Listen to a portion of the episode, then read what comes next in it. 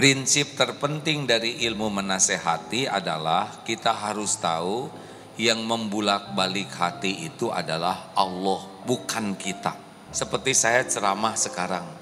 Bukan Abdullah Gimnastiar yang bisa merubah, tidak bisa. Saya tidak bisa ngerubah siapa pun. Saya tidak bisa menggugah hati Bapak Ibu, dan enggak tahu hatinya juga di mana. Saya ceramah ini amal soleh aja. Kalau niatnya benar, yang disampaikannya benar, caranya benar dan saya berusaha mengamalkan, mudah-mudahan Allah ridho. Perkara ucapan ini masuk ke hati, itu adalah pekerjaan Allah Subhanahu wa taala. Daru Tauhid, Jakarta. Bismillahirrahmanirrahim. Assalamualaikum warahmatullahi wabarakatuh.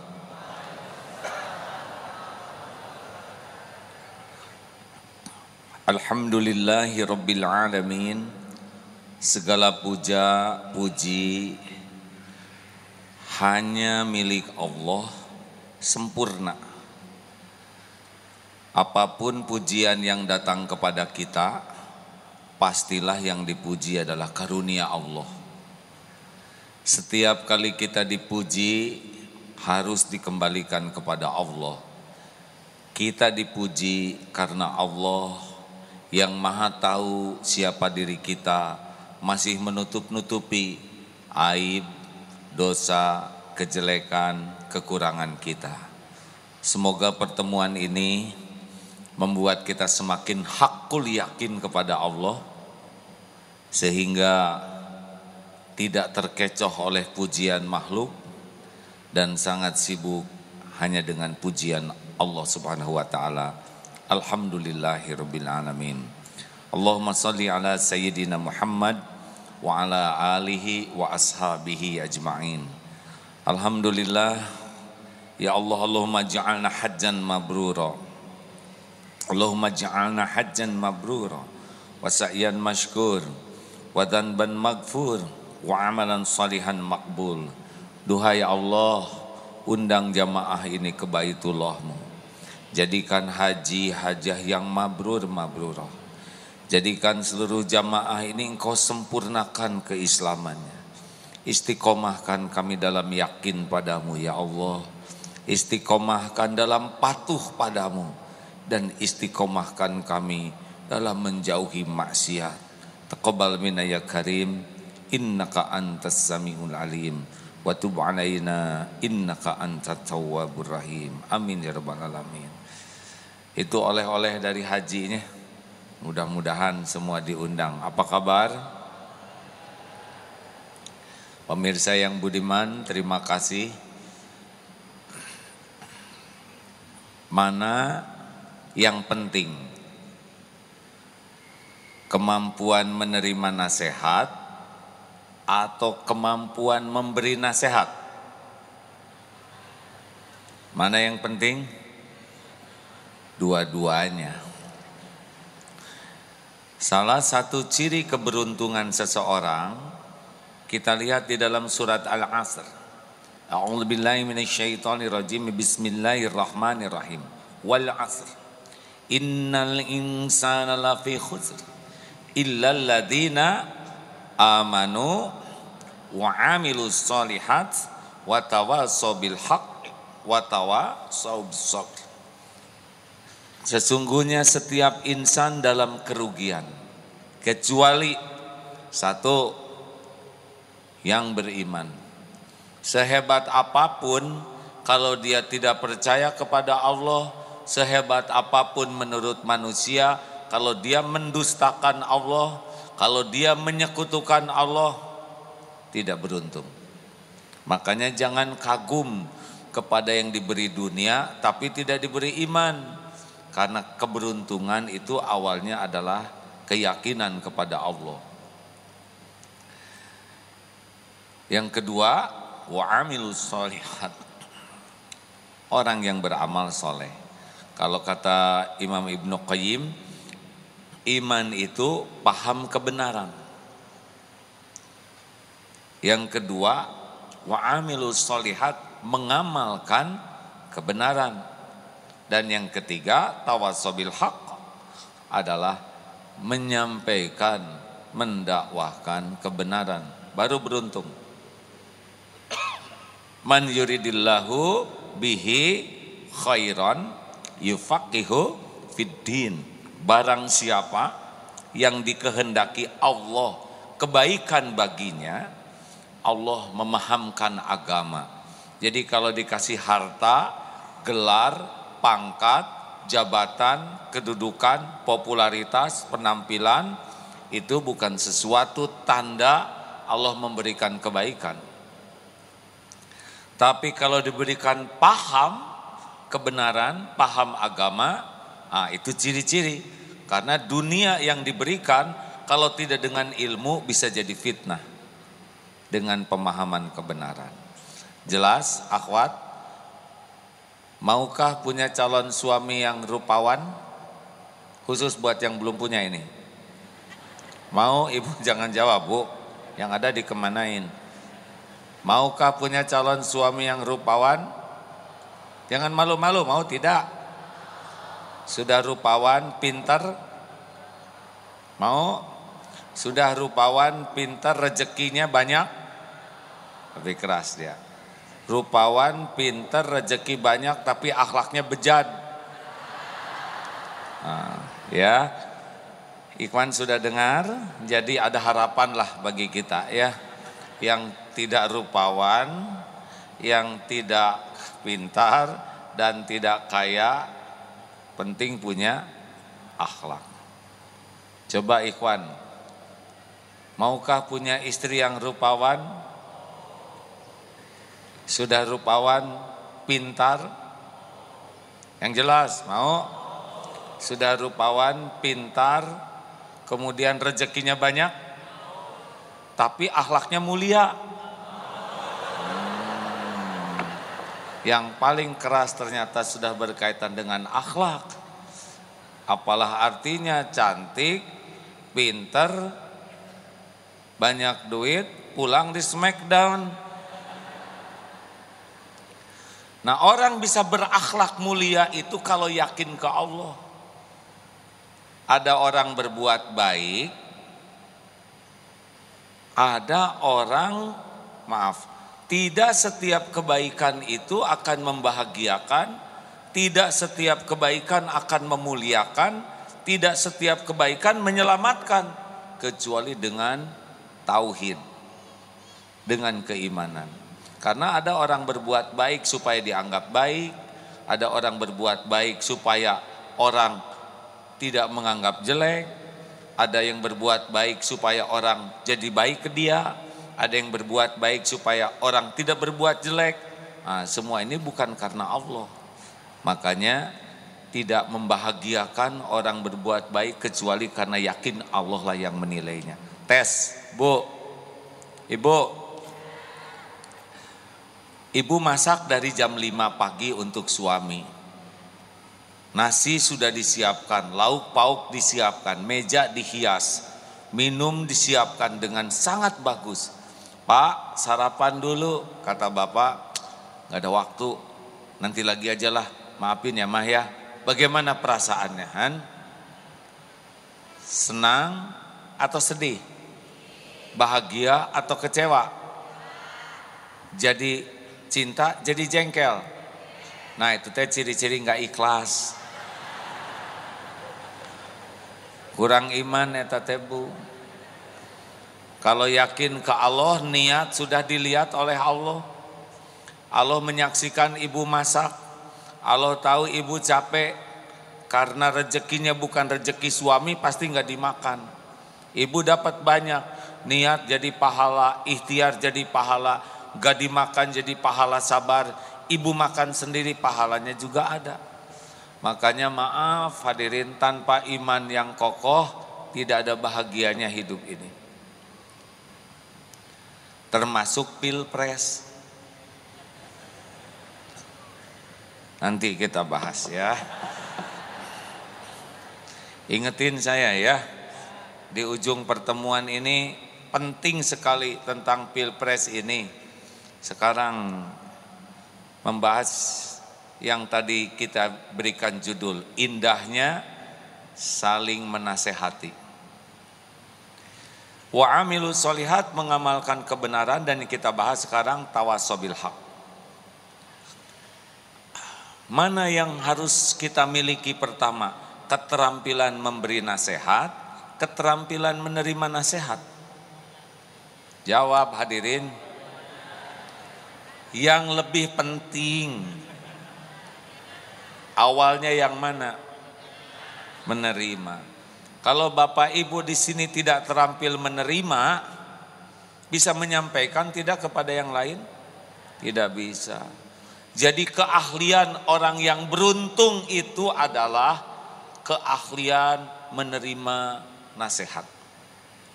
Tidak mungkin kita bisa memberi nasihat dengan baik kalau kita tidak suka menerima nasihat. Apa yang mau disampaikan. Sing sabar anak-anak, sabar kalian ini. Ibu belum belajar ilmu sabar. Makanya ngomong sabarnya juga sambil melotot. Inna loha ma'asobirin tahu. Coba itu. Sebab kalau ibu belajar ilmu nasihat, ilmu sabar, pasti beda cara menyampaikannya. Satu, bahwa kita ini sangat memerlukan nasihat. Karena kita ini gudangnya kekurangan, gudangnya kesalahan. Benar? Kita sangat memerlukan nasihat. Jadi kerinduan di hati itu sebetulnya bukan kerinduan memberi nasihat, tapi kerinduan untuk mendapatkan masukan agar kita tidak celaka. Karena yang mengancam hidup kita itu bukan keburukan orang lain. Yang mengancam diri kita adalah zolam tuh nafsi, keburukan, kezoliman diri kita sendiri. Ingat contoh yang lalu, saya duduk di sini, di sini ada ular tidak kelihatan. Di sini ada kue yang enak yang saya sukai. Informasi mana yang terpenting?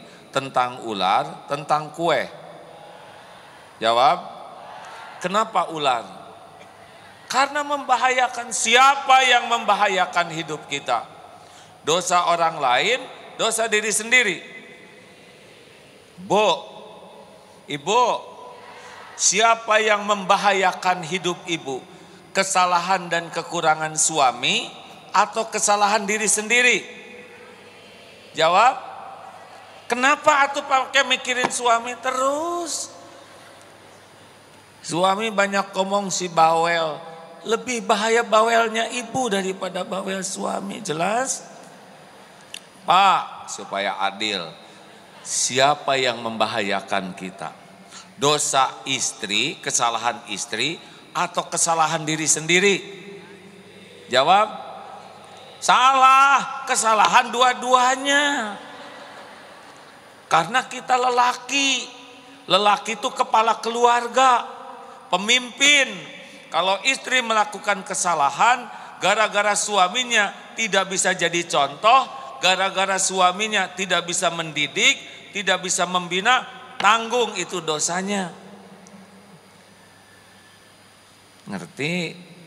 Berat jadi lelaki teh pak. Itu kalau satu istrinya. Ini serius hadirin. Kalau lebih dari satu lama. Ini dihisap, itu dihisap. Apalagi yang lebih dari dua, hisap, hisap empat maksimal. Makanya satu sajalah kalau memang nggak bisa mempertanggungjawabkan di akhirat ya. Bukan masalah nikahnya saja tapi perhitungannya nanti ada. Kenapa jadi pada sedih begini? Tapi kalau sanggup dah tergantung ada takdirnya atau tidak ya. Lanjutkan. Mana yang kita perlukan pujian atau koreksi Sebetulnya kita harus berguru sama emak-emak ini ya. Ibu-ibu ini paling sering evaluasi diri, dahsyat. Bangun tidur langsung lihat kaca, evaluasi diri. Kamar mandi ngaca. Keluar dari kamar mandi sebelum keluar dari kamar ngaca. Keluar dari rumah jendela ngaku. Sebelum masuk mobil kaca mobil. Padahal ada orang di dalamnya. Di dalam mobil kaca spion. Nggak ada spion, buka tuh tasnya, pasti ada di sana. Apa sih bu yang ibu cari? Kan wajahnya itu-itu juga. Ha? Ibu ini cari nasihat. Jangan-jangan lipstik ke hidung. Jangan-jangan ada upil. Dan kalau didapati kekurangan, tidak ada sikap emosi. Hah? Beres ya. Malah kacanya diusap-usap, dibersihin. Sayangnya baru berani bercermin topeng, belum bercermin isi. Harusnya ibu-ibu kalau ngaca tuh, apa lo, kamu teh jadi ahli sorga atau ahli neraka. Lihat cermin tuh gitu, kebek. Lihat bibir, ha, mulut kamu ngomong baik, ngomong ngaco. Berapa banyak orang ketipu sama kamu, ha? Gitu bu, sambil pakai lipstick, ini gimana di akhirat? Itu bercermin yang baik. Lamaan mana bu?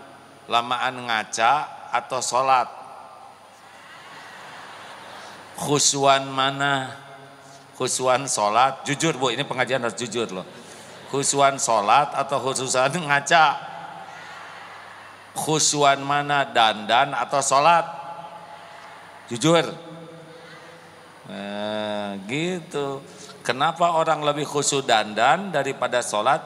Karena lebih sibuk ingin dinilai bagus oleh orang daripada ingin dinilai bagus oleh Allah udahlah jangan centil capek yang enak mah just the way you are tahu artinya apa Hah? Dilarang merokok, benar ya. Lanjut. Jadi satu nasihat adalah sesuatu yang kita perlukan. Lebih perlu daripada hanya sekedar makan minum. Karena ini keselamatan dunia akhirat. Dua, kita harus tahu bahwa tiap hari itu kita sudah meminta ke Allah diberi petunjuk lewat doa. Surat Fatihah itu permohonan loh. Ihdinas siratal mustaqim. Siratal ladina an'amta alaihim. Ghairil maghdubi alaihim waladdallin. Amin ya Allah. Kita minta diberi petunjuk. 17 kali dalam surat Fatihah di dalam doa di antara duduk, wahdini itu pun minta petunjuk. Jadi jangan lupakan itu. Kalau nanti datang orang yang mengoreksi, datang orang yang memperbaiki, datang nasihat, lah kita yang minta. Masa kita sudah perlu minta giliran dikasih marah? Dan kalau Allah mengabulkan nasihat bisa lewat siapa saja. Bisa lewat ustadz, guru, ulama, orang tua, bisa lewat suami, bisa lewat istri, anak, khodimat, supir, teman, bahkan nasihat bisa lewat binatang atau juga lewat orang-orang yang sebel kepada kita. Sepanjang itu kebaikan, ingat, sepanjang itu telur, walaupun keluar dari pantat ayam, terima. Asal telur, ya Jangan memperhitungkan eh, si itu, ya. Yang penting telur. Maksudnya jangan memperhitungkan pantatnya, penting telurnya, ya kan? Halo? Teruskan. Siap. Kita perlu, kita minta, kalau datang terima. Makanya kalau ada yang mengoreksi itu, mata ke makhluk, hati ke Allah. Oh ini Allah yang menggerakkan. Ada enggak yang kalau sehabis pengajian, Alhamdulillah ini jawaban dari pertanyaan saya. Belum juga nanya, kok udah kejawab? Ada enggak yang begitu? Jangan mengatakan ah ini, uh, ah ini sakti nih. Tahu aja perasaan saya. Enggak, enggak tahu. kok A bisa ngejawab sih persoalan saya? Uh, bodoh-bodoh mikirin persoalan saudara. Saya aja banyak persoalan ya. Ini Allah yang mengatur. Siapa yang harus dapat ilmu ini pasti takdirnya dengar. Didatangkan ke sana, ada yang lewat TV, ada yang lewat Facebook, internet. Allah yang mengatur. Makanya visi ke makhluk, hati ke Allah. Bapak, Bapak, Yana, Pak, jangan ngeloko dong, jelek banget. Seperti yang gak ada kerjaan, sedot tiup, sedot tiup. Apa-apaan sih Pak? Ini cucu nasehatin orang tua, kakek. Jangan ditempeleng, Allah tuh yang menggerakkan. Orang lain mah ngapalin Quran, kakek kok nyedot tiup, nyedot tiup. Astagfirullah ya Allah. Atau lewat kucing. Lihat kucing, bangun tidur kan stretching, ya. Lah mau ngapain Allah menggerakkan kucing dilihat oleh kita? Selain ngingetin kita, jarang kita bangun tidur stretching, padahal tubuh ini punya hak untuk diolahragakan, benar? Jelas tidak nih? Kadang lewat suami, Bu, saya tuh senang lihat ibu pengajian seperti makan obat sehari tiga kali. Namun kalau boleh usahakan perubahan tuh banyak. Selama ini saya lihat yang berubah adalah seragam. Dan yang meningkat adalah cicilan. Tolonglah bu. Itu teh rejeki bu. Kalau ada suami yang ngomong gitu teh rejeki. Suami juga istri solehah tuh bukan berarti istri yang diem, nurut. Ma, hmm, ah bukan solehah, itu horor. Justru kadang-kadang istri solehah tuh istri yang bawel, rewel. Tapi bawel rewelnya agar suaminya jadi ahli sorga. Bangun tidur. Pak jangan ih doa dong pak ih. Allah barik lana. Salah pak itu doa makan.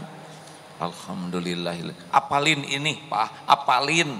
Ini tiap pagi bangun tidur. Itu istri soleha yang gitu. Jadi jangan ngarap-ngarap istri solehah tuh manut tidak. Justru yang berani mengatakan tidak. Aduh. Aki. Justru berani mengatakan tidak kalau itu akan menjerumuskan keluarga ke neraka. Nikmati ya. Karena koreksi itu ada empat jenis. Ada yang isinya benar, caranya baik, oh ini paling top. Kita ngaji salah, tiba-tiba ada yang membantu, Pak maaf, maaf. Tadi saya dengar Bapak baca Fatihah ini, oh iya saya dapat ilmunya begini Pak. Ah, Bapak bisa cek nanti ya, saya mohon maaf ya Pak. Tuh, koreksinya benar, caranya baik, ini yang top, jarang yang begini. Yang kedua isinya benar, caranya yang kurang enak, kurang baik. Gak ada masalah, ini ilmu telur lagi, ya kan? Pak, saya dengar ceramah loh Pak. Ciri lelaki Islam itu bisa dilihat waktu Jumatan. Kalau dia Jumatan, Islam tuh. Kalau nggak mau Jumatan aja diragukan Islamnya. Ciri lelaki beriman, Pak, lihat dari istiqomah sholat subuh berjamaah. Kalau Jumatan Islam, kalau sholat subuh jamaah itu biasanya pakai iman. Dan ciri lelaki solehah pak, itu sholatnya di rumah terus. Mama nggak mau punya suami solehah. Nah, ini jangan sembarang pak, ini isinya benar. Ini telur nih. Jangan lihat Jangan lihat mulut istri seperti telur ya. Terima, siap bu, siap, siap, siap. Pokoknya kalau diberi koreksi, jangan memberi seribu satu alasan. Dengerin saja, nggak ada bahayanya dikritik, dikoreksi itu. Nggak akan copot hidung, tidak akan terkelupas kulit, tidak akan rontok rambut. Kritik sepedas apa pun tidak ada masalah, dengar. Jangan dijawab dengan bela diri. Pah, Jangan marah-marah dong pah. Lelaki itu harusnya lembut ke suami. Kata siapa papa pemarah bu? Papa tuh tipe Umar bin Khattab tahu? Oh jauh jauh.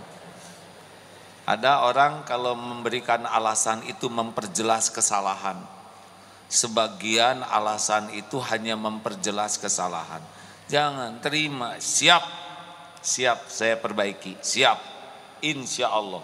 Gitu hadirin, karena sebaik-baik jawaban itu adalah memperbaiki diri, PD, LT, perbaiki diri, lakukan yang terbaik, itu jawaban.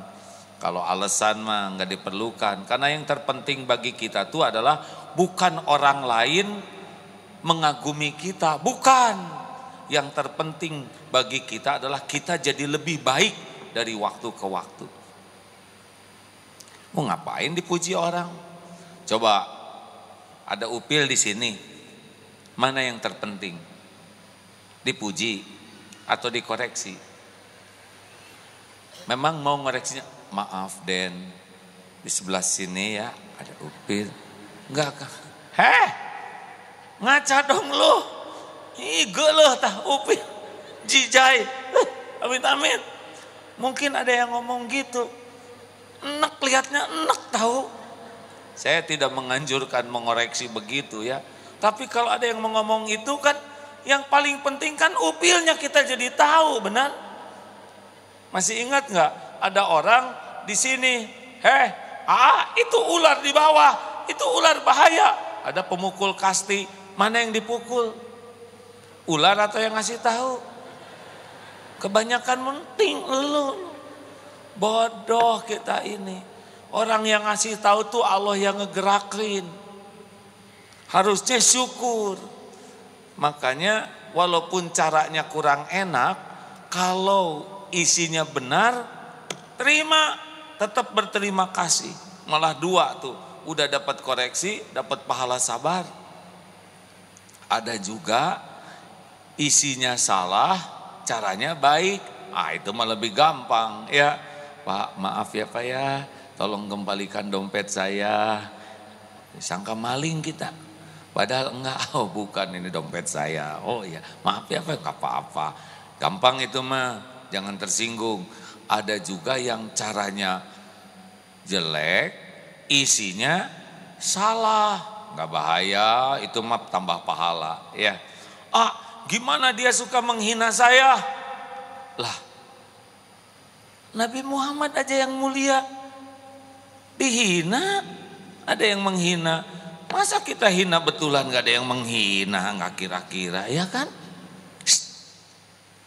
Betul tidak? Gimana caranya supaya nggak sakit hati? Ah, mau tahu rahasianya? Jawab hadirin kalau mau, mau kalau tidak, tidak jangan bikin jengkel ya. Tidak boleh emosi hadirin ya. Saya kan udah nyobain ya. Dipuji rame-rame udah, dicaci maki rame-rame udah. Nih mau tahu rahasianya supaya nggak sakit hati? Ini rahasianya. Siapa yang menciptakan kita? Siapa yang menghidupkan kita? Jawab. Allah. Siapa yang menjamin rezeki kita? Allah. Yang mengangkat derajat? Allah subhanahu wa ta'ala. Siapa yang menutupi aib? Siapa yang bisa mengampuni dosa? Siapa yang bisa mengaruniakan ketenangan? Siapa yang membagikan pahala? Siapa yang bisa mengaruniakan husnul khotimah? Siapa yang punya sorga? Kalau semua karunia dari Allah, ngapain kita capek-capek sakit hati mikirin orang yang ngejelek-jelekin kita? Siapa dia? Tuhan kita bukan mulut dia. Cool men. Cool maksudnya. Tenang. Tuhan kita Allah. Benar? Halo? Jelas tidak nih? Tenang, tenang. Enggak bahaya mulut orang. Yang bahaya nih mulut sendiri. Enggak akan berkurang karunia Allah kepada kita gara-gara mulut orang. Tenang, Bu, Ibu. Mana yang bahaya bagi ibu? Mulut tetangga atau mulut sendiri? Nah, itu mikiran tetangga wae. Jelas? Dah, pokoknya mah kalau ada orang yang mengoreksi, ini adalah permintaan kita kepada Allah, maka syukuri. Kalau perlu kasih hadiah, minimal doa.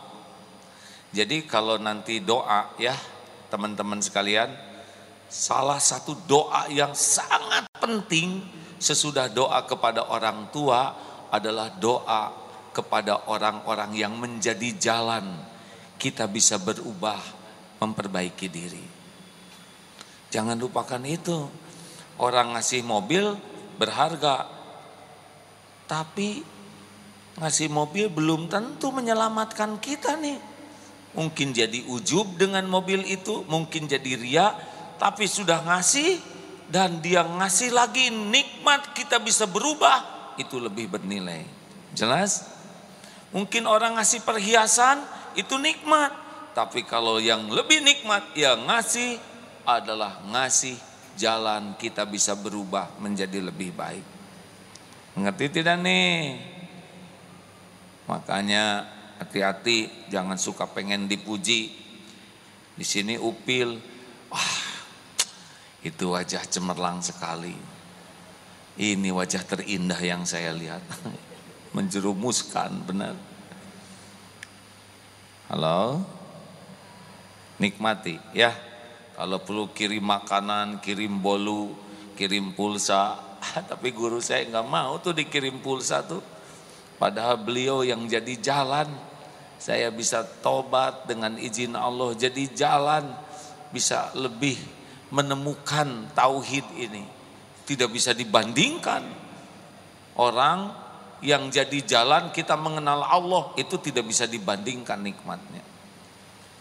Harusnya ini kita ingat dan kita doakan siang dan malam kepada guru-guru kita ini. Sepakat? Eh, para suami, kalau istri rewel, tapi rewelnya ini membuat bapak jadi terpelihara dari maksiat, ini benar. Daripada istri pendiam dan membuat bapak bergelimang maksiat. Bu, ibu, sing ingat atuh, ya. Suami yang membimbing ibu jadi ahli sorga walaupun gajinya dikit itu lebih berarti daripada bawa uang banyak hasil korupsi. Tuh, terima. Pak, harus adil nih. Jangan suka ngilang-ngilangin jasa istri. Coba saya tes dulu nih. Tes ke ibu-ibu dulu. Ini papan tulis. Kira-kira ya. Satu tambah satu sama dengan dua. Dua tambah dua sama dengan empat. Empat tambah empat sama dengan delapan. Lima tambah lima sama dengan sembilan. Ayo, apa yang kepikir? Cepat. Cepat. Ah? Salah? Yang mana yang salah? Lima tambah lima sama dengan sembilan. Harusnya? Nah, begitulah hadirin. Ya. Satu tambah satu sama dengan dua. Benar? Nggak ada yang nyebut. Dua tambah dua sama dengan empat, benar? Enggak ada yang muji. Empat tambah empat sama dengan delapan, benar? Enggak ada yang kagum. Giliran salah satu itu yang disebutin, ya kan? Gak apa-apa bu, gak apa-apa. Ngerti mama? Ngerti enggak? Ngerti pak? Makanya ke istri juga enggak boleh nilai setitik rusak sebaskom. Bapak baru tahu pentingnya istri kalau istri meninggal. Gimana nyiapin makan buat anak? Gimana ngebangunin anak supaya sholat? Gimana ngurus baju anak? Nyetrika?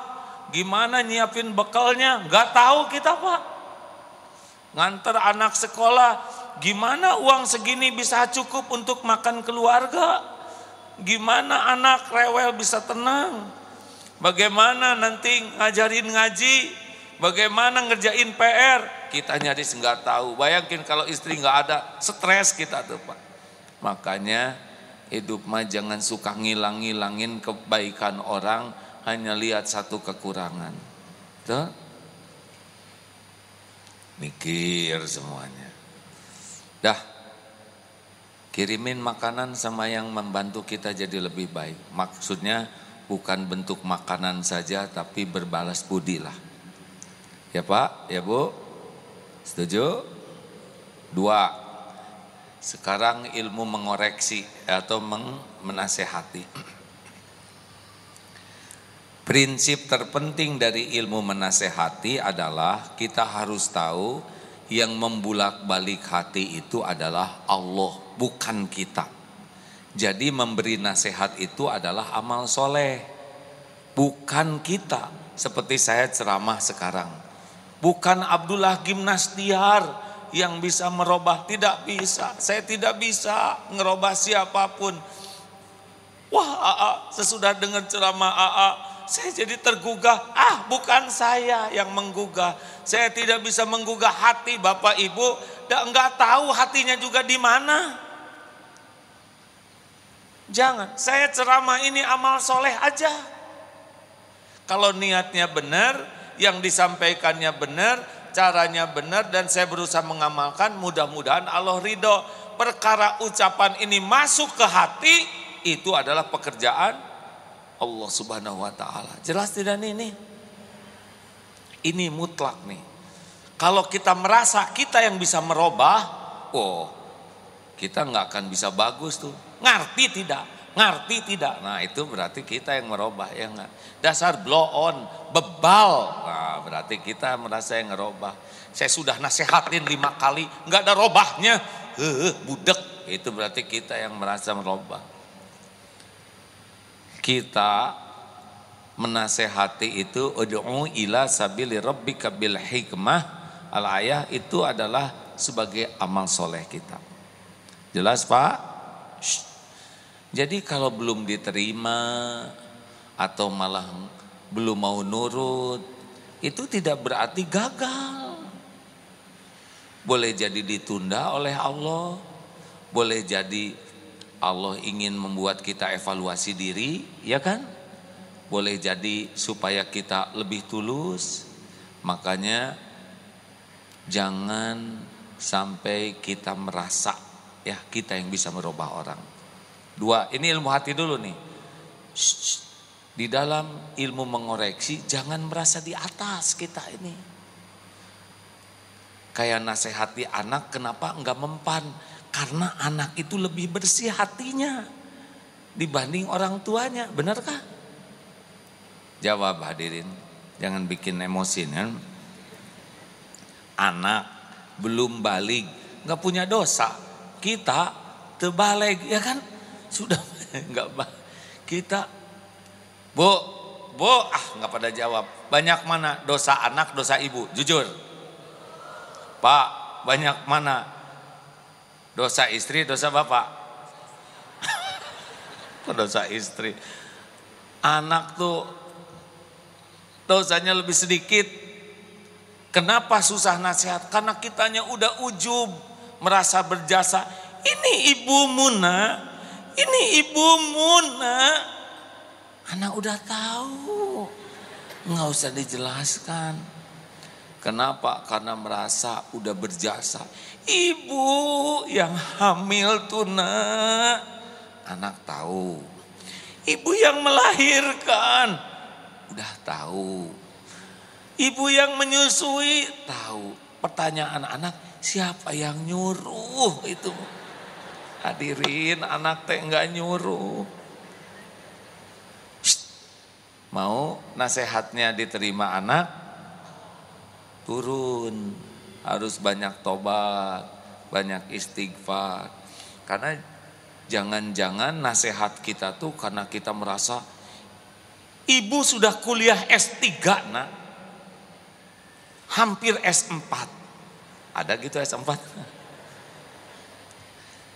Ibu tuh sekolah di luar negeri. Ibu itu dosen. Anak perlu enggak itu? Enggak. Anak itu perlu hati ibunya, bukan gelar ibunya, bukan jabatannya. Bapak tuh di kantor ngurus 10 ribu karyawan. Buat anak mah nggak ada perlunya nyebutin itu. Dan yang diperlukan anak itu hati bapaknya. Nih contoh. Ini maaf saya sering mencontohkan ini. Seorang ibu mengatakan begini, nak sini sayang, panggil anaknya yang SD. Ibu sayang padamu nak, tahu nggak air mata ini nyaris ngalir setiap kali ibu memohon ke Allah. Saking ibu ingin engkau bahagia, ibu ingin kau mulia dunia akhirat. Ibu mau melakukan apa pun demi Muna dan ibu lakukan tanpa pamrih. Benar-benar karena Allah.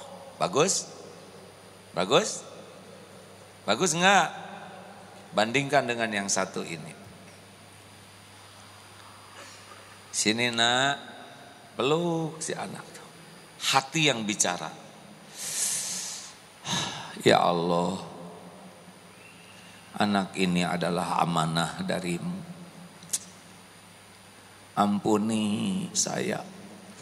Engkau tahu saya belum jadi orang tua yang amanah. Belum jadi contoh yang baik belum bisa mendidik dengan benar, belum tulus mengurusnya, belum sungguh-sungguh memohon kepadamu. Ampun ya Allah, sambil meluk, sambil mengecup keningnya dan berbisik, nah maafkan ibu sayang, maaf, maaf. Doakan yang banyak ya, doakan. Cuman itu saja. Yang mana yang ada di hati anak kira-kira? Jawab. Yang mana Pak? Yang mana Bu? Lihat sendiri tidak, mendengar langsung tidak, tapi kita bisa merasakan itulah bahasa hati.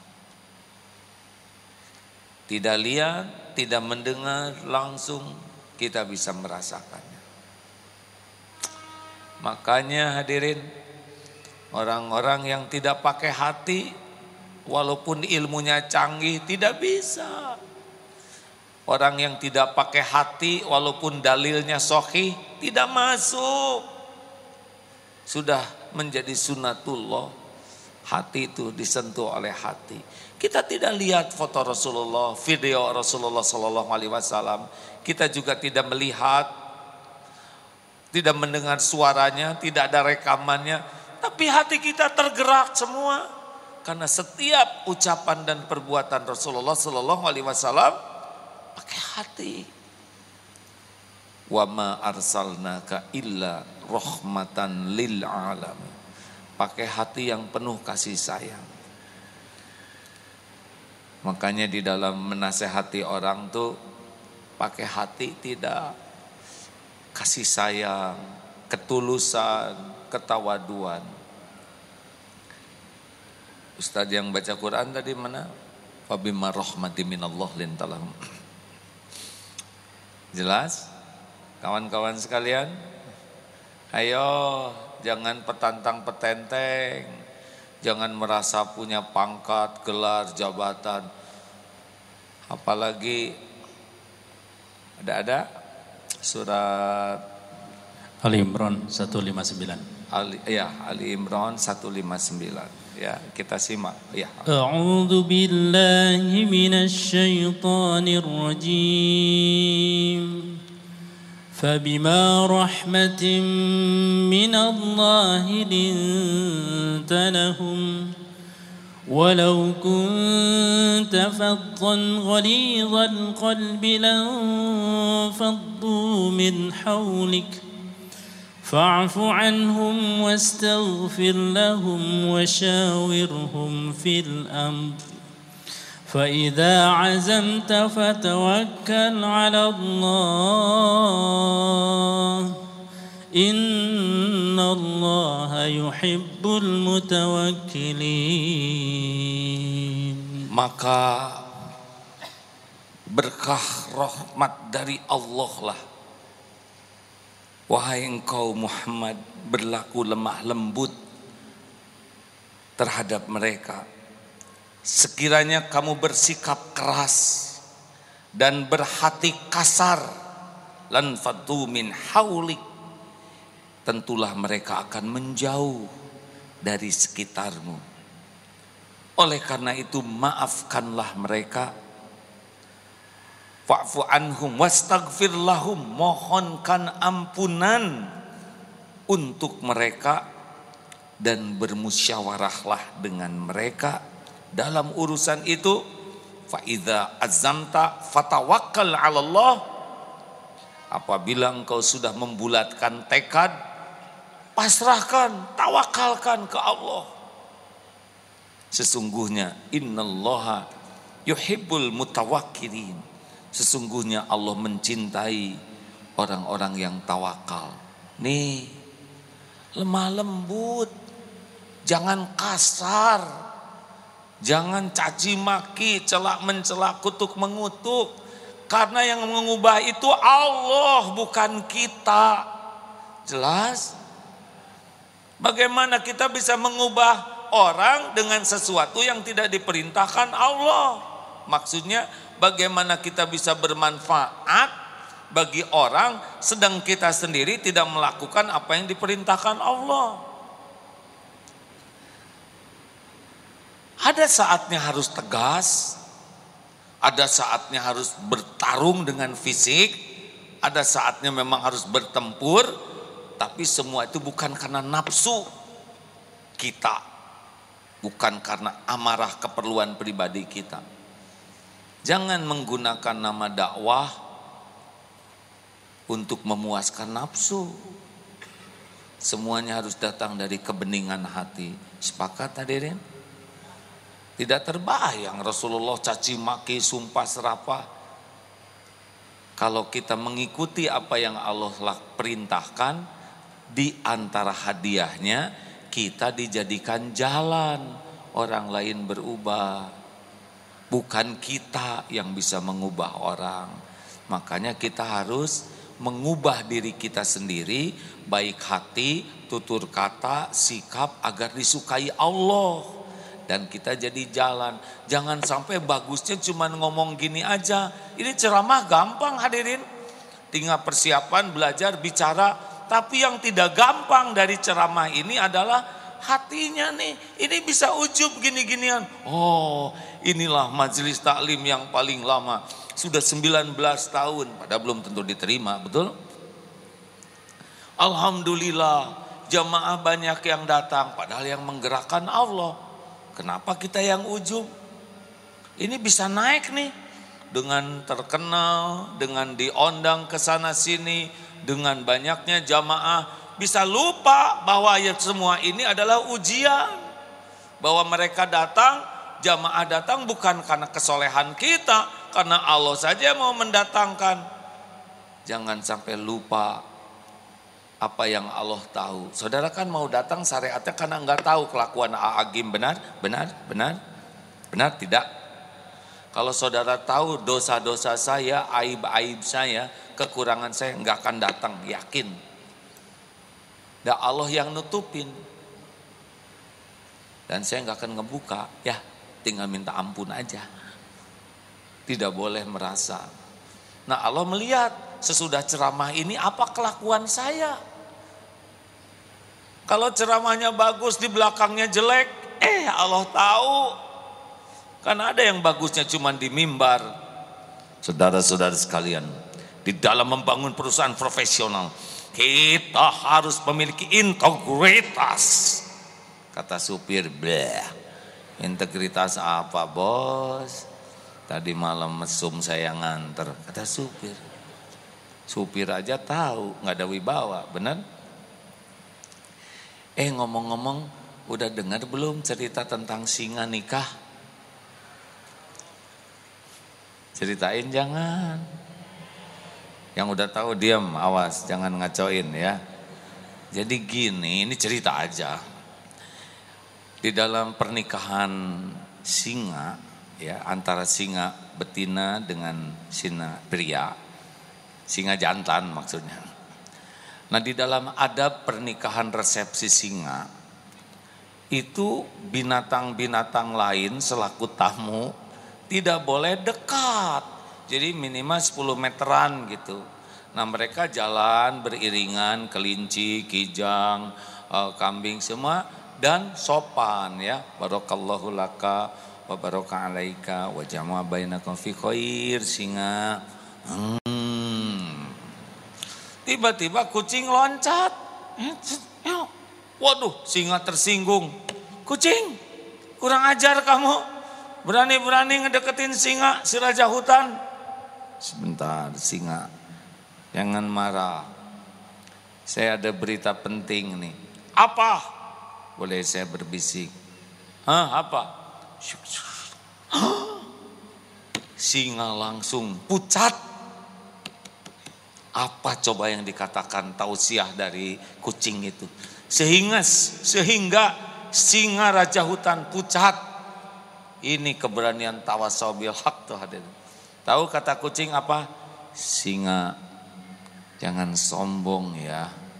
Saya juga dulu singa. Tapi sudah nikah jadi kucing. Silahkan pikir, ayo. Ngerti pus? Pus? Berapa banyak lelaki yang di kantor singa, di rumah mengeong. Halo? Udah mikir, enak kan ketawanya ya, enak ya. Sebab ngetawain diri sendiri. Kalau wanita mah jarang berubah, singa we hantem ya. Lelaki yang suka mengeong. Halo? Tuh, itu kucing aja bisa menasehati supaya jangan sombong. Nah, begitulah sahabat yang baik. Jadi kalau mengoreksi itu niatnya harus lurus, harus penuh kasih sayang, penuh ketawaduan, jangan merasa lebih dari yang dinasehati. Kita di bawah merunduk ya Sayyidul Qaum khadimuhum. Nggak ada orang yang suka dinasehati dengan kasar dan keras. Bukti, Ibu. Bu, jawab kalau ibu melakukan kesalahan, maunya dimarah oleh suami atau dinasehati dengan lemah lembut? Sik jawab atuh bu yang tegas ya. Maunya dimarah atau dinasehati dengan lemah lembut? Maunya dinasehati lemah lembut. Catat Pak. Maunya dinasehatinya di depan anak-anak, di depan keluarga rame-rame atau secara pribadi? Sembunyi-sembunyi.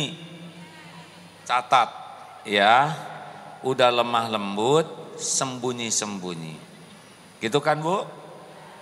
Penting ini Pak yang ketiga apakah ibu mau diulang-ulang diungkit-ungkit kesalahannya atau sekali aja catat sekali Pak jangan suka diungkit-ungkit cep sekali ngomong hep. Empat, apakah ibu mau dimaafkan oleh suami? Jawab, jawab, jawab. Mau dimaafkannya sesudah minta maaf atau sebelum minta maaf? Sebelum minta maaf. Hmm, manis pisan, Pak. Aduh, eh, ampun. sempurna keinginannya Pak. Jadi kalau ibu salah ditegurnya lemah lembut. Sembunyi-sembunyi sekali langsung dimaafkan saat itu juga. Aduh top banget hadirin ini. Sempurna Bu. Kalau ibu ke suami gitu enggak? Enggak ya. Begitulah Pak, kita harus siap menerima kenyataan. Nah hadirin, kalau memberi nasihat di depan orang banyak itu sama dengan mempermalukan. Orang itu lebih banyak sakit hatinya daripada merasa dinasehati. Sembunyi-sembunyilah ya, apa yang kita mau kalau orang mengoreksi kita, maka lakukan ke orang lain ya Bu. Shh, Ibu, kalau suami salah tuh lemah lembut. Pak, mama pengen dipulangkan. Sekarang juga. Emang nadanya lembut. Tapi tajam. Pak, kalau suami salah tuh jangan di depan anak. Ibu jangan suka cari pembelaan dari anak-anak. Tuh anak-anak. Si bapak tuh kayak remuk hati mama. Gak boleh. Gak baik. Kata anak-anak, kenapa dong mama pilih papa? Habis nggak ada lagi nak. Lebih ngaco lagi. Dan shh, shh, shh, jangan suka ngungkit-ngungkit kesalahan suami. Ya Pak ya, ya Pak ya, Pak, Pak. Oh, betul katanya. Dan maafkan. Lebih kuat dengan doa daripada hanya dengan bicara. Kalau bicara ngandelin diri kita, kalau doa ngandelin Allah Subhanahu wa taala. Nah, itulah sekilas pintas. Ingat yang membulak-balik hati siapa? Allah. Jadi kalau sudah memberi nasihat, banyak istighfar. Kalau istri atau yang dinasehati berubah, jangan ujub, jangan. Sesudah saya nasihatin dia sekarang dia tobat. Nah, itu ujub namanya.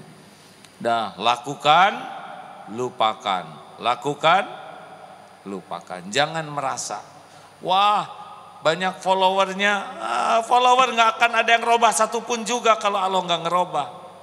Jangan bangga banyak follower karena itu robot sebagian ya. Dan nggak ada apa-apanya. Demikianlah hadirin sekalian. Sekarang tentang pilpres. Minum dulu.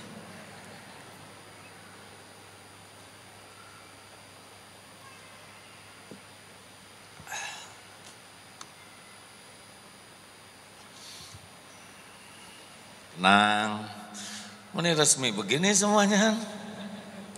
Ini pidato kenegaraan. Negara Istiqlal.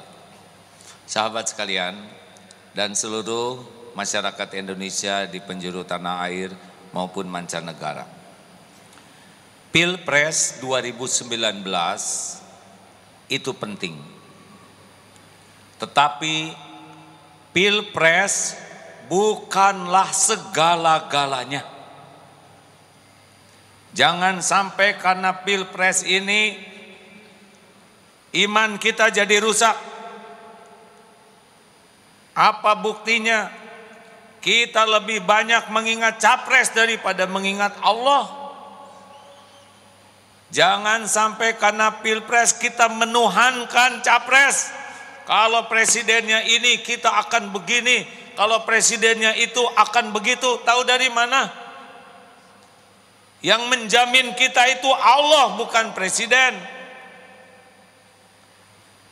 Jangan sampai kita merasa terjamin oleh makhluk daripada terjamin oleh Allah. Boleh kita memprediksi, boleh kita memperhitungkan, tapi jangan memastikan. Berapa kali kita ganti presiden dan tetap sama saja yang menjamin kita adalah Allah. Dan jangan menuhankan ikhtiar. Seakan-akan kalau kita melakukan ini pasti jadi begitu.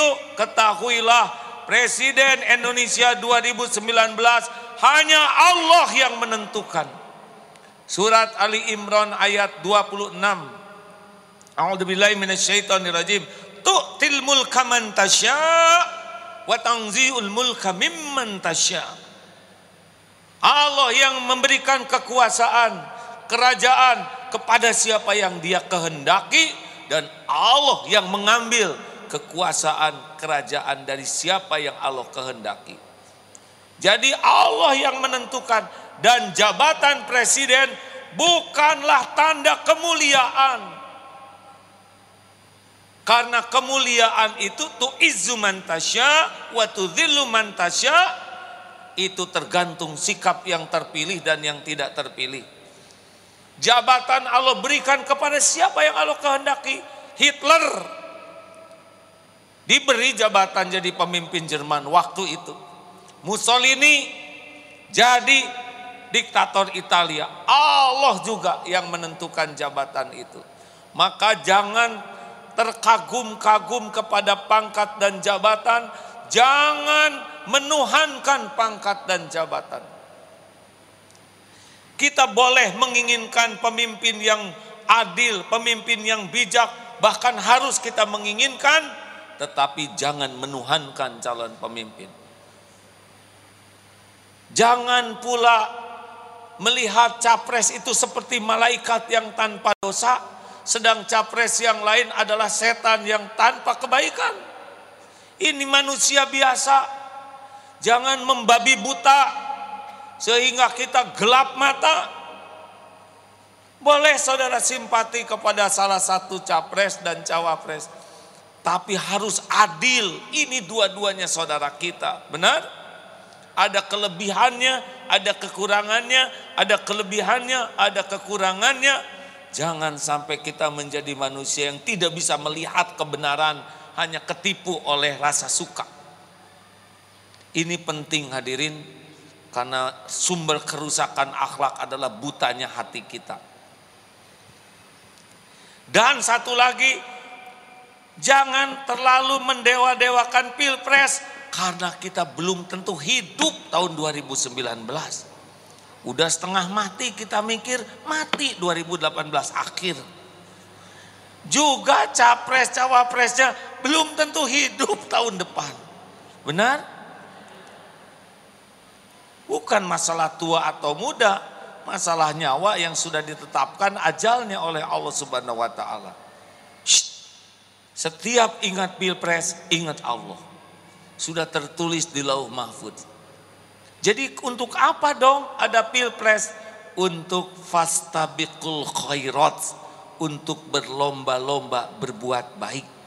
Berlomba-lomba berniat baik, berlomba-lomba berbuat baik itulah pilpres bukan untuk bertanding antar kandidat apalagi untuk bertarung apalagi untuk bertempur ini apa-apaan ini cuman episode kalau bertempur itu saling membunuh saling menghancurkan ini berlomba-lomba jadi siapa pemenangnya pemenangnya adalah orang yang niatnya paling baik dan caranya paling mulia.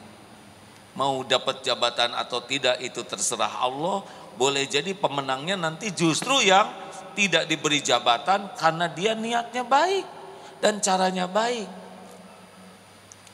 Tolong Pak Capres dan Pak Cawapres, ayo berlomba-lomba berniat yang terbaik dan melakukan yang terbaik. Semuanya menang. Rakyatnya menang, tim sesnya menang. Perkara jabatan Allah yang menentukan. Inilah pentingnya dalam pilpres ini. Jangan sampai menuhankan pilpres, melupakan Allah Subhanahu wa taala. Nauzubillahi min zalik. Sepakat hadirin sekalian? Kita sebagai rakyat juga berlomba-lomba menjadi pendukung yang niatnya baik, yang caranya baik. Satu, kalau ada yang nanya, AA, jadi apa HAT mihak yang mana, capres yang mana? Itu urusan daleman, maksudnya dalam hati saya. Saya akan mencermati selama beberapa bulan ini. Karena saya belum tahu banyak. Nanti istiqoroh. Tapi apa yang dilakukan sekarang ingin melakukan tiga hal. Satu, menjaga, ikut bantu-bantu menjaga agar akidah umat tidak rusak gara-gara pilpres ini. Nah jawabannya yang tadi, jangan menuhankan pilpres, capres, ataupun menuhankan ikhtiar. Allah yang menentukan. Dan kemenangan dapat jabatan itu bukan tanda kemuliaan, bukan tanda kesuksesan. Tanda kesuksesan itu inna akramakum indallahi atqakum. Kalau dengan pilpres ini makin bertakwa ke Allah, itulah makin bagus. Sepakat? Jawab hadirin, masa saya semangat sendirian? Dua, apa yang mau dilakukan? Berharap saya dan semua kawan-kawan bisa menjaga akhlak umat dan masyarakat ini. Jangan sampai gara-gara pilpres akhlak jadi rusak. Ngomong seenaknya, berbohong, berdusta, nyari-nyari aib, gibah, fitnah, saling memaki dengan panggilan buruk, saling mencela. Apa ini? Hah? Episode ini nggak boleh merusak akhlak timbangan terberat nanti adalah bukan timbangan pilpres, bukan timbangan capres. Timbangan terberat adalah timbangan akhlak. Eh, kawan-kawan, jangan sampai tergiur jadi penyebar fitnah. Jangan sampai tergiur jadi pembohong. Ini keluarga besar satu bangsa, apalagi dua pasangan ini saudara kita saudara sama-sama bersyahadat kepada Allah Subhanahu wa taala, bersyahadat, salat, insya Allah ini adalah perlombaan berbuat baik. Tiga, yang ketiga, satu jaga apa? Akidah, dua jaga akhlak, dan yang ketiga jaga ukhuwah. Baik ukhuwah Islamiyah maupun ukhuwah watoniyah. Bangsa ini mayoritas masyarakat rakyatnya adalah umat Islam. Namun negara ini bukan negara Islam. Negara ini didirikan kesepakatan antara tokoh-tokoh tokoh-tokoh umat Islam dan beberapa tokoh umat lain. Jadi harus kita terima kenyataan bahwa ini adalah negara yang bukan hanya umat Islam yang ada di negara ini, tapi juga ada umat yang lain yang juga jadi anak bangsa. Dan tidak harus kita bersengketa hanya karena perbedaan agama. Sepakat? Karena ini juga bagian dari negeri ini. Apalagi bersengketa dengan sesama umat Islam. Mau apa yang kita cari? Eh? Sudah, mulai sekarang lihat ini saudara saya, ini pun saudara saya, hanya saya lebih percaya kepada yang ini. Saya hargai saudara saya yang memilih yang lain. Dah, jangan pakai bertengkar, berantem. Presiden yang terpilih kalau kita sakit belum tentu punya waktu nengok kita, benar? Tetangga yang akan nengok. Suami istri jangan beda pilihan, bisa nggak makan kita di rumah. Ayo rekan-rekan sepakat tidak nih? Jangan sampai pecah bangsa ini hanya karena pilpres. Saya merasa pilpres sekarang itu kita tuh rada susah move on. Tahu move on? Bukan on, move on. Di Jawa Barat sekarang sudah terpilih dan dilantik gubernurnya. Salah satu di antara kandidat sudah bukan pilgub lagi di Jawa Barat. Sudah gub. Ya kan? Selesai suasana pilgubnya. Selesai suasana kompetitifnya. Sekarang kita saksikan ini takdirnya pemimpinnya, gubernurnya. Sudah Islam, sudah juga dia ada kelebihan, ada kekurangan. Kalau ini melakukan program yang baik, yang benar, dukung semuanya rakyat. Kalau tidak benar, salah, bantu koreksi dengan cara yang baik. Seharusnya begitu. Tidak boleh musuh-musuhan terus. Tidak boleh permanen. sakit hatinya hanya karena beda suasana waktu memilih. Sayang energi kita, sayang keimanan kita, sayang ibadah dan akhlak kita kalau hati kita busuk terus menerus. Sepakat? Alhamdulillah. Hadirin demikianlah curhat. Saya sedih, sejujurnya sedih ya, sangat sedih. Gak mau saya negara ini pecah, demi Allah tidak mau. Kalau boleh saya akan melakukan apa saja yang Allah ridhoi agar bangsa ini tidak pecah. Benar. Takdirnya dulu saya pernah lihat peperangan di Aceh, peperangan di Maluku, peperangan di Poso. Perih dan kita lihat peperangan di Suria, di Balkan, di Libya, di beberapa negara yang pecah. Lihat seperti apa. Dan pilpres tidak boleh memecah belah bangsa ini. Tidak boleh memecah belah umat. Kita harus sungguh-sungguh berkepala dingin, berpikir jernih untuk mewariskan yang terbaik bagi generasi sesudah kita. Siap? Seluruhnya boleh saya tutup dengan sebuah perumpamaan. Jangan dulu ada yang bergerak karena kalau bergerak akan membuat suasana kurang fokus. Ada kakek tua, ini sering saya sampaikan, menanam kurma, sudah sepuh. Kata khalifah kek, kakek menanam kurma. Kakek kan sudah tua, kurma tumbuh, kakek meninggal. Kapan kakek bisa menikmati kurma? Kata kakek ini, eh, ngomong begitu. Bukankah kita sekarang menikmati kurma jasa dari orang-orang yang sudah mendahului kita? Mengapa kita tidak mau menanam untuk generasi sesudah kita. Hmm, mikir men, mikir bro. Khalifah terhenyak. Masya Allah. Benar nih si kakek. Bukankah saya juga khalifah? Berkah jasa pendahulu. Pengawal. Ambil satu pundi. Di pundi emas. Uang emas kakek, kakek sudah menyadarkan saya bahwa hidup ini bukan hanya untuk saya sekarang, yang terpenting mewariskan yang terbaik bagi generasi yang akan datang. Kek, terimalah hadiah ini. Hmm, hmm, hmm. Alhamdulillah. Baru juga menanam, sudah berbuah. Mengerti?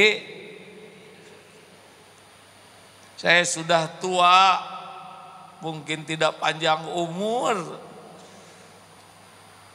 Tapi yang muda juga banyak yang tidak panjang umur. Eh, kalau mau duluan silahkan. Ayo ah. Berjuang pilpres ini harus jadi ladang amal soleh kita. Jangan sampai aib bagi bangsa kita dan keturunan kita. Terakhir, Selain pesan kepada capres dan cawapres dan tim sesnya untuk membulatkan tekad mengutamakan kebersatuan negeri ini jangan mengeluarkan statement-statement pertempuran, peperangan, permusuhan, tapi semua pernyataannya adalah persaudaraan. Sepakat? Yang kedua, kepada para follower, kepada para pendukung, jangan membabi buta Jangan menuhankan capres cawapresnya. Berpikir rasional, jernih. Ini cuma episode. Jangan habis-habisan. Nanti orang dapat kursi, kita dapat kursi roda karena jatuh dari truk waktu kampanye. Rugi ya. Tenang.